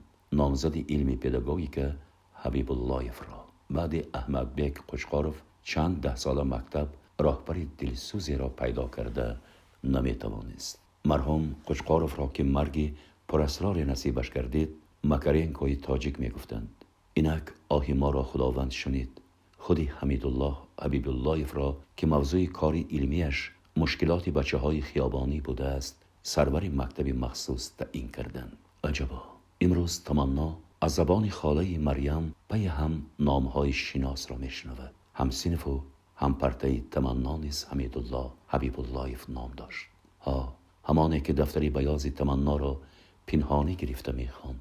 در واقع خاله از این پیش گفت که زنی دیرکتور تفتیش مرگ مادر زیباگل را به عهده داشته است. استاد تمنا زنی حبیب الله دوگانه جمالکیت نگاره نیست مگر؟ بله بله نگاره باید باشد. آخرین بار تو آنها را در جشن عروسیت دیده بودی که در زیافت بر به بر یکدیگر می نشستند. آن وقت حمیدالله نو از خدمتی حربی برگشته و عجب جوانی تنومند و زیبا شده بود. خاله مریم با تمام وجود غرق تماشای تلویزیون است و عادتا هنگام تماشای برنامه های خبری به گوش و هوش تبدیل می یابد تمنا به صاحب خانه با مهر نگریست عجب زن است این خاله مریم. در برابر سخندان و سخنور بودن شنونده خوب هم هست و با کلمه نقلش را نبرد تمنا چند شب پیش از نوک سوزن تا کره ریشته تمام سرگذشتش را به این زنی پرتحمل و بردبار نقل کرد خاله مریم در انجام گفت اکنون فهمیدم که چرا من هزار ساله هم می و تمنا آن شب باز قلم به دست گرفت تا علم دل را نشاند مرغ اول بانگ می‌زد که نوشته خیش را دوباره خامه تحریر کشیده شد من در هوسی دیار عشقم سربازم و سر بدار عشقم. صد جوی سرشک من روان شد از چشمه و چشم سار عشقم. صد تعنه بزد خرد بسویم کندر رهی به قرار عشقم. تا پرده افتد و رسم من بر منزل شه سوار عشقم. холаи меҳрубон прерӯз як дафтари муқоватсабзи ғафсе дода гуфт. Шеърҳоят дар варақаҳои ҷудогона гум нашаванд гуфта харидам. Дафтар ҷилди чармӣ дошт. Таманно модари худро ба ёд овард ки ҳамин гуна тӯҳфае карда буд. Таманно аз ин шабоҳат мутаассир шуду ба гӯшаи чашм духта монд. Пеши назараш ҳавлии барҳавои падар омад. Духтари хона дасту остин барзада тирезаҳои равоғро мешуст. Яке занги телефон садо дод. Таманно ки дар пағонаи баланди нардбон буд таманно ки дар пағонаи баланди нардбон буду қисмати болоии чашмакҳои равоғро мешуст. Зуд ба даҳлез расида наметавонист. Ба дил гуфт беиҷонам мебардорам аммо модар ба чашм намерасид. Шояд сари ҷойнамоз бошад занг такрор ёфт. Модар аз хона садо кард. Таманноҷон телефонро бардорӣ чӣ? نه مادر از خانه نبرآمد. کاش می برآمد که تمنای سرسخت و در بدر یک بار دیگر به دیدار عزیزی مادری سر تا به پا غرق نورش می رسید زنگ تلفن بار سیوم تکرار شد. تمنا برقصد از تریز شویی دست نکشید. خیالا خاصیت آتون را مجبور می کرد که به چشم دخترش نمایان شود. تمنا مگر برداشتن گوشی برایت همین قدر دشوار بود؟ این آوازی مادر نیست. تمنا از عالمی خیالات بیرون آمد و در تاز به دهلیز رسید. کوه تلفن. صدای زنگوله نازک از کجا می آید؟ صدا قطع یافت. پس از چند خاله مریم از دوشخانه برآمد. کی تلفن می‌کرد نبرداشت تلفن هیچ جا تلفن نبود. خاله خنده سختی کرد. تمنا هیچ چیز نفهمید. میبخشی دخترم میبخشی хола аз анбонаи рангпаридааш қотичаи сиёҳеро гирифта кушод ва чанд тугмачаро пахш карду ба гӯш дошт. Алло ваха азизи ман чӣ ҳол дорӣ? Хуб? Худоро шукр аз аҳволи доъзал гап зан зуда бераш марда марнана. Ҳама хубанд? Шукри аллоҳ бовар намекунам. Ина бина вахаи ноосбарварди мо аллакай чаҳор карра деда шукр номёбам не азизам.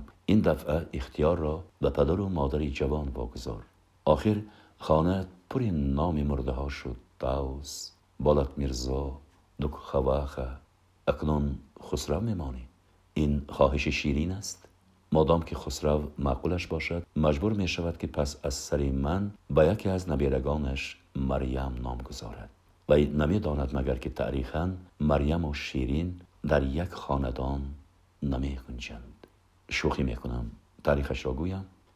این قصه دور و دراز است. عزیزم وخه برای این داستان نظامی گنجوی را خواندن در کار. تمنا به اختیار وابسته به روحیه مریم این بیت را خواند چون بنازم نیست با من خسروه کی بسازد مریم و شیرین بگو. خاله جانب دختر خاندش با افاده منتداری سر جنبانید و با دادرش گفتگوی تلفنی را دوام داد. همین طور زود زود تلفن کرده است. نه و خجان نمی‌توانم. فرجامگه پدر اینجاست. خاک پاک خسرو و دک خواخ اینجاست. چی؟ ها ندیم چند روز پیش آمده بود به اسفره رفت. می‌گوید حتما اهل بیت را به هیدرکن می‌برم. سر مزار مادرتان را گل پوش می‌کنم. گفتم گمان است که مزاری غریبان پا بر جا باشد. و صاحب قبل و قسم است. مادام که می‌روم گفت می‌رود. شناسنامه دیپلماتی داشته باشد که به وی مانع شده می‌تواند. راست می‌گویی. الها پدر و مادرش رحمت کند. زنش آدم طلا بچه های خوب دارد. دیگر وطن تینجی خبرهای آخرین دلغش کنندند کو. گوش و هوشم به چچنیستان.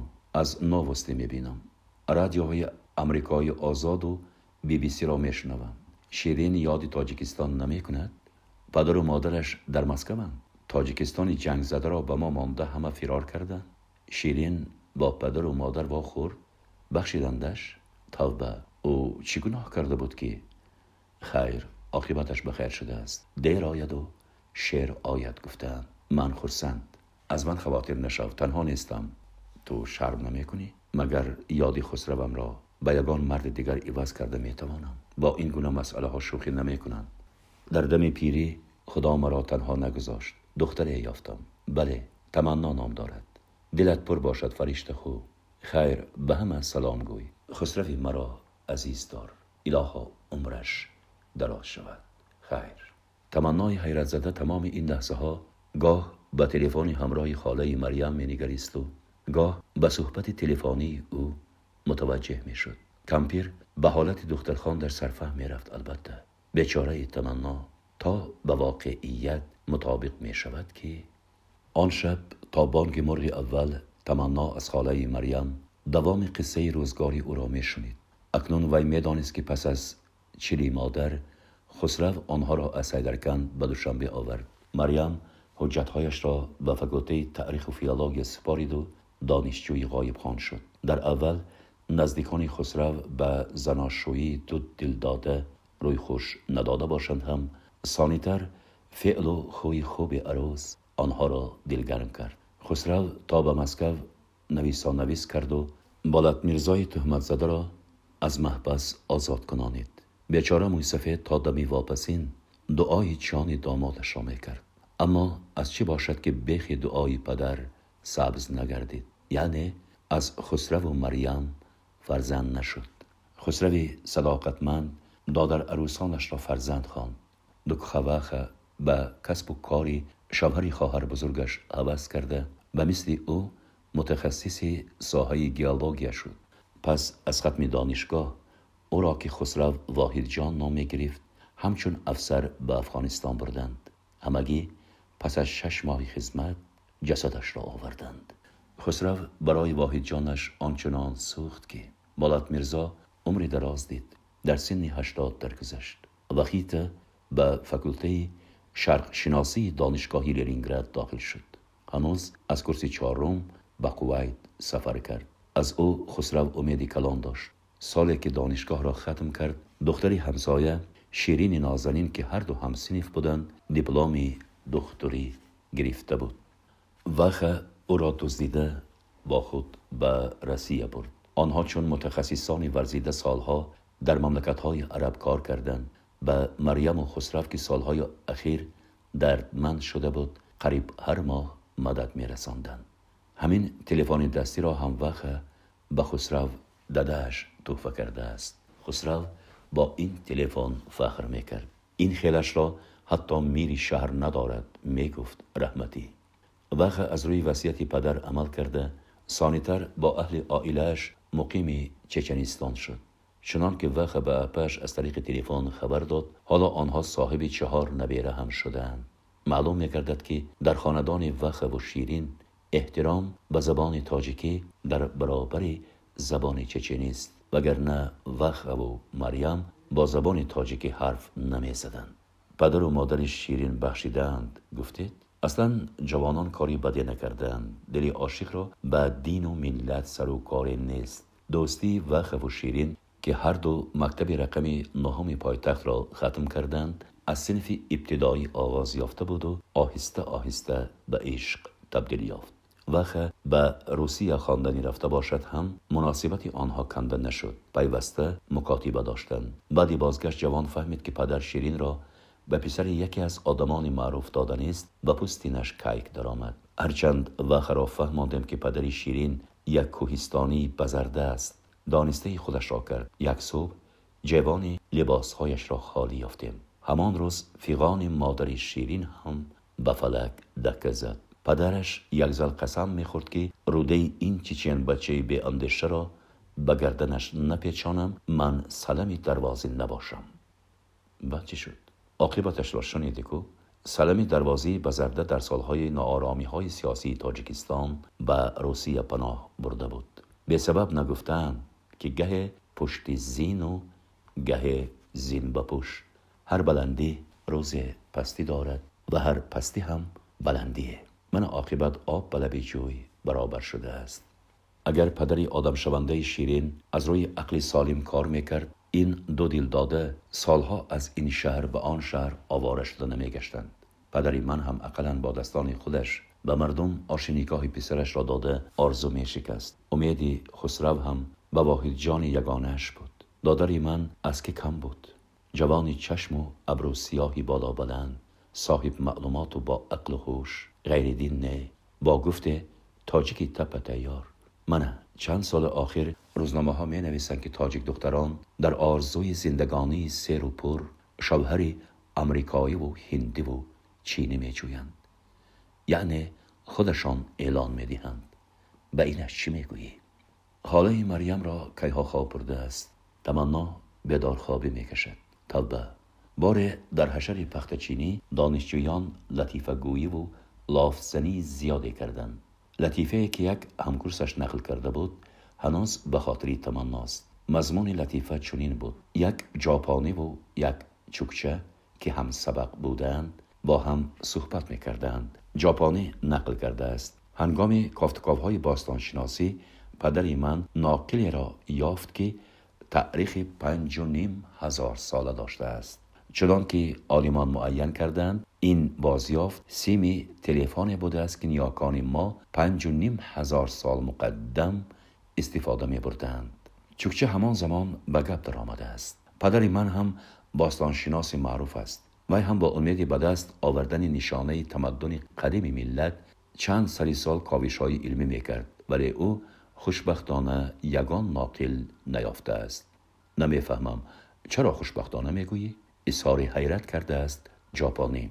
معلوم میگردد که هنوز پنج هزار سال پیش با جدیتی تام گفته است چوکچه مردم ما با تلفن بسیم معاشرت می‌کردند. سری تمنا گیرد میگردد. مگر افسانه ها به حقیقت تبدیل مییابند؟ این خیل گپ و کار را در اثرهای فانتاستیکی عبدالملک بهاری خواندن ممکن بود. فرق قهرمانان آن نویسنده از این زنی سال رفته همدان در آن است که آنها نادری گپ می‌زدند. خاله مریم و دادرش که اصلا تاجیک نیستند با لفظ دری سخن می‌کنند تمنا تلفن دستی خاله را گرفته به طور خودش هر جانب آموخت راست می‌گوید خاله مریم این خیلش را تمنا در دست یگان کس ندیده است این معجزه را بینه خاله می‌گوید دختران از نمایندگان هر دین و هر ملت همسر انتخاب می‌کنند راست باشد آخر زمان شده است از افتکار. دیروز بود گویا تمنا برای به مراد دل رسیدن پیش مادر زاری می‌کرد که پدر را به گپ اندازد تا صد راهی بخت دو جوانی همزبان و هموطن نگردد. امروز باشد دختران خود اعلان می‌دادند که واقعا از آهنگ گپی خاله مریم پای بردن دشوار نیست که دادرزاده شوهرش همان ندیم پتریات است. توبه. کوه به کوه نمی رسد آدم به آدم می رسد گفتنی گبراست بوده است. خیریت که تمنا آن روز در را برای او نکشاد. وگرنه ندیم تمنا را به این حالی زار به حیثی قراری درگاه مردم می‌دید که خوب نمی‌شد. تمنا یک آهی حسرت آمیز کشید و به دست خامه گرفت. باز یک شبی سیاه میله آبستن طفلی شیربوی صبح به دنیا آورد. تا این غزلگونه کاملا روی کاغذ ریخت. به خود قطعی دوا کردم ندانم. چی پینداری خطا کردم ندانم. چه شبهایی که آب دیدم ریخت به نام مرد وفا کردم ندانم. دوتاره شد دوتاره اشک چشمم. چرا دردم نوا کردم ندانم. به دست آوردنی مقصد چه مشکل به آسانی رها کردم؟ ندانم. ز پیش آمد امیدی رستگاری چرا رویم قفا کردم؟ بگفتندم که شاهی شادی آرد. متای غم قبا کردم ندانم. هزاران مانعه در راه فرهنگ به خود مشکل چرا کردم؟ ندانم. نگفتن به از آن باشد که گفتن خطا اندر خطا کردم ندانم. خاله مریم لب در بناگوش از دری کوچه در آمده آمد. تمنا از انبارچه ماشینکه چاپی کهنه را یافته بود و آن را با حوصله تام تازه می کرد از آمدن صاحب خانه بی خبر ماند. به می سپاری مگر تمنا یک قد برید. می‌باشید خاله جان سرگرمی کار شده نفهمیدم که در انبارچهتان بغیر از جان آدم دیگر همه چیز یافت می شود. من از این گری مادرتان را هم کارشایم کرده ماندم.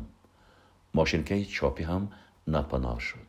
باور کن همین شب مادر را خواب دیدم که در حیدرکن روی صوفه حولی درز می دوزد و چهرهش گشاده. در برش یک شاخ زانا زده و علولک و بلولک بازی دارند چنان خواب شیرین بود که می‌خواستم سحری برایت خوابگذاری کنم که شیرین میخفتی. دلم نشد که بیدار کنم. خیالم این شب هم پری الهام میهمانت بود. شعرت را خواندم. ماشینه درزدوزی را درون میداراریم اما به این دردی سر چیکار می‌کنیم؟ شما را نمی‌فهمم خاله جان مگر ماشینکه نپ نو دیگر به دردی نمی‌خورد؟ من سالهای مکتبی کورسی مخصوصی ماشین نویسی را ختم کردم. با گفته قاریانه چاپ می‌کنم. از چنگ زیر کرده استادنش خوب نیست که من استفاده برم. خوب است که چنین هنر داشته ای اما دختر جان حالا از این ماشین که قریب کسی استفاده نمی برند جای این را کیها کامپیوتر گرفته است. کم کامپیوترش چیست؟ اه جانی خاله به تو چخیر فهمانم؟ کامپیوتر یک وسیله زمانوی چاپ کنی. برای کسی که با ماشینکا آزاد کار کرده تواند آموختن کامپیوتر کاری دشوار نیست. استاد تمنا. بسرم یک فکر آمد. بیا تو را به یگان کرسی کامپیوتر آموزی برم. مگر این ممکن است؟ چرا نه؟ یک دختری خوش سواد و با فهم و فراست. چرا از زمان قفا مانده؟ در میان چهار دیوار خاله مریمش میشیشته است؟ من کو با جان دل می‌خواهم لیکن در دست نه شناسنامه دارم و نه شهادت نامه ختم مکتب. برقرار کردن حجت های گم شده از امکان بیرون است مگر؟ من با مصلحت یک شخصی با اعتماد به بیورای معلومات دهی رفته حجت به دست آوردم که موافق آن امران خاجه و تمنا عثمان جاناونه تاجیک دختر تاریخ تولدش 17 نوامبر سال 1969 تا امروز در قید خانه پدری خیش است. به این چی می‌گویی؟ تمنا و محبود بود.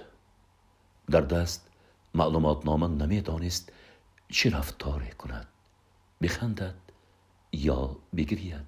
هرچند لبانش مایلی تبسم بودند ولی چشمانش پرپری آب گردیدند و با یک میژه افشانیدن قطره های بشمار اشک سرازیر ریختند. کدبانو سری دختر خاندش را به سینه زیر کرده می گفت. گریه نکن جانی خاله. شرم نکن و اشک ریز که غبار دلت شسته شود. در پس گوشی تمنا آوازی ملکوتی می رسید. چرخ بر هم زنم ار غیر مرادم گردد. من نه آنم که زبونی کشم از چرخی فلک.